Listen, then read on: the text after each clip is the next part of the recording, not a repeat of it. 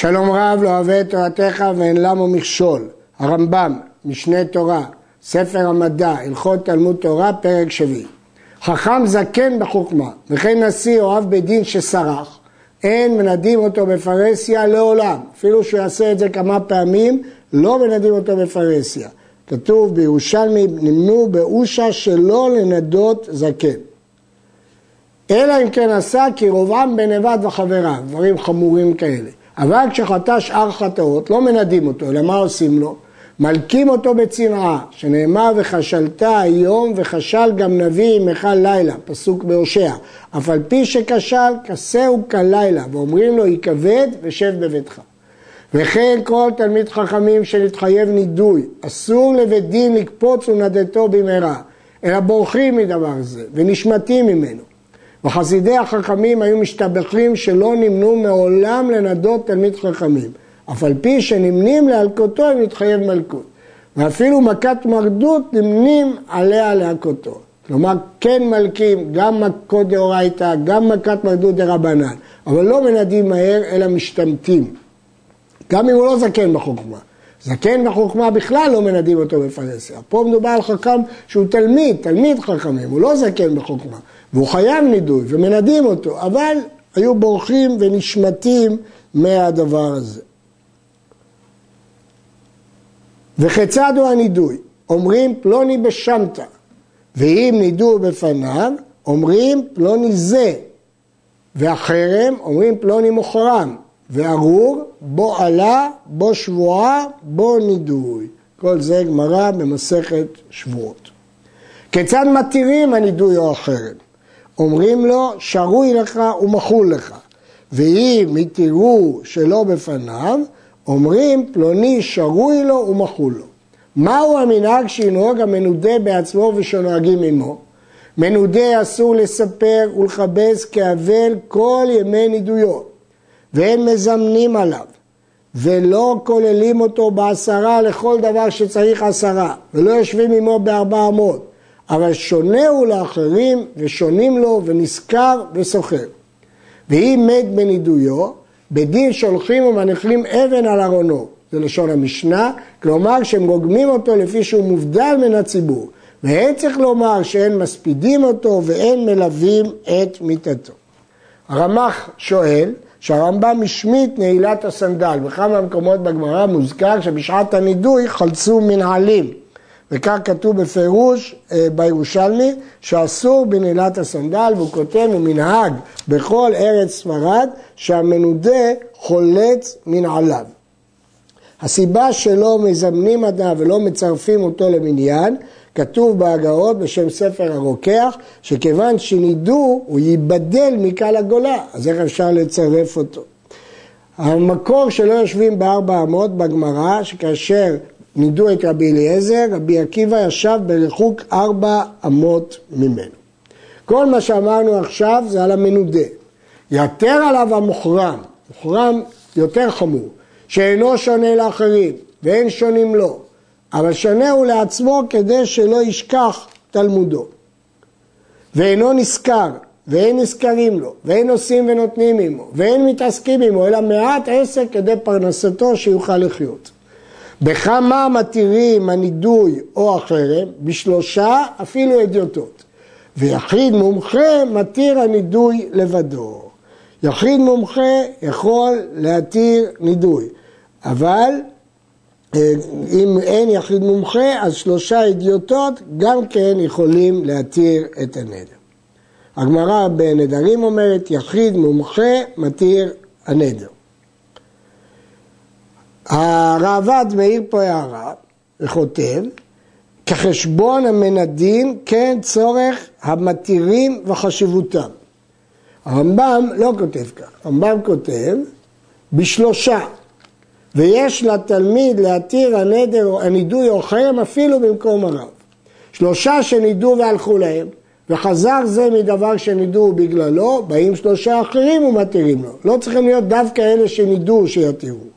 מי שלא ידע מי נידהו, ילך אצל הנשיא ויתיר לו נידויו. כלומר, אם אלה שנידו הלכו, אז התירו באחרים, אבל אם הם נמצאים, אז הם צריכים להתיר. ואם הוא לא יודע מי, הולך לנשיא. נידוי על תנאי, אפילו מפי עצמו, צריך הפרה. הגמרא במסכת מכות, למרות שאדם אומר, אם יקרה דבר מסוים הוא ינדה, לא משנה, צריך הפרה. תלמיד חכמים שנידע עצמו, ואפילו נידע עצמו על דעת פלוני, ואפילו על דבר שחייב עליו נידוי, הרי זה מפר לעצמו. תלמיד חכם יכול להפר לעצמו.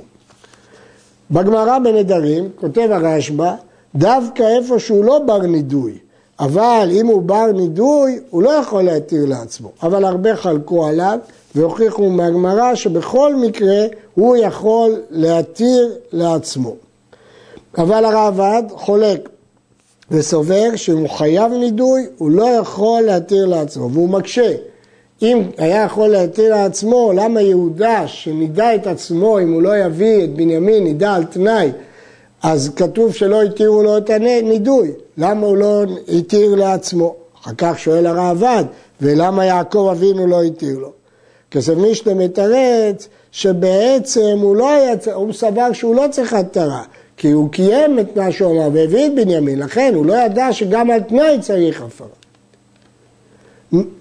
מי שנידו בחלום, אפילו ידע מי נידהו, צריך עשרה בני אדם ששונים הלכות להתירו מנידויו. הנידוי בחלום הוא חמור וצריך עשרה ששונים הלכות. ואם לא מצא, טורח אחריהם עד פרסה. לא מצא, מתירים לו עשרה ששונים משנה, דרגה יותר נמוכה. לא מצא, מתירים לו מי שיודעים לקרות בתורה. לא מצא, מתירים לו אפילו עשרה שאינם יודעים לקרות.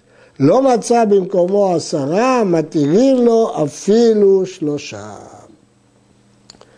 בגמרא לא כתוב מתירים לו היודעים לקרות בתורה, אבל הרמב"ם למד את זה מסברה, או שהייתה לו כך גרסה בגמרא.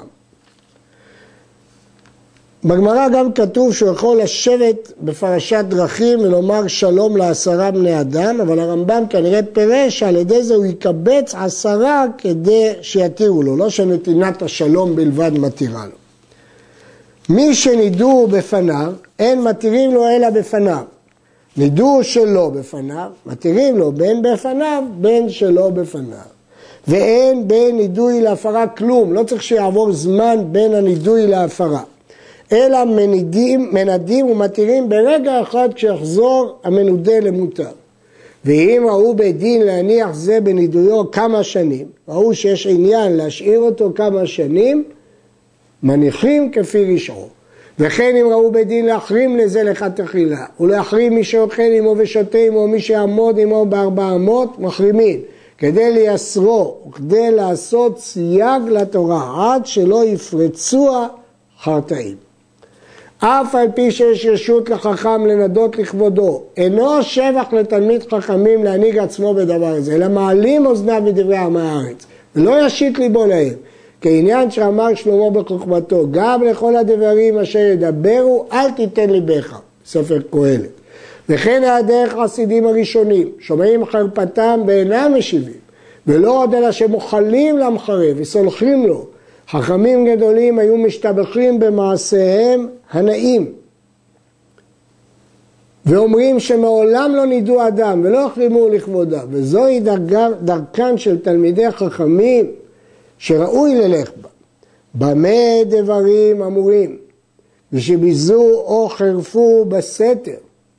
אבל תלמיד חכמים שביזה או חרפו אדם בפרהסיה, אסור לו למחול על כבודו, כי בזה הוא מבזה את כבוד התורה.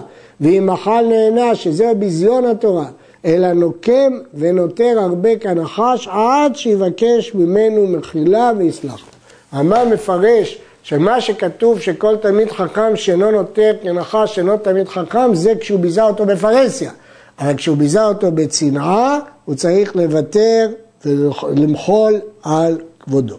הרייבד מפרש, כך כותב הריבש, שאם זה דברים שקשורים לכבוד התורה, לבזות אותו, אז בזה הוא לא ימחל לו, כי זה נקרא ביזיון התורה. הרמב"ם מחלק בין אם זה דברים בפרהסיה ובין אם זה דברים בצנעה.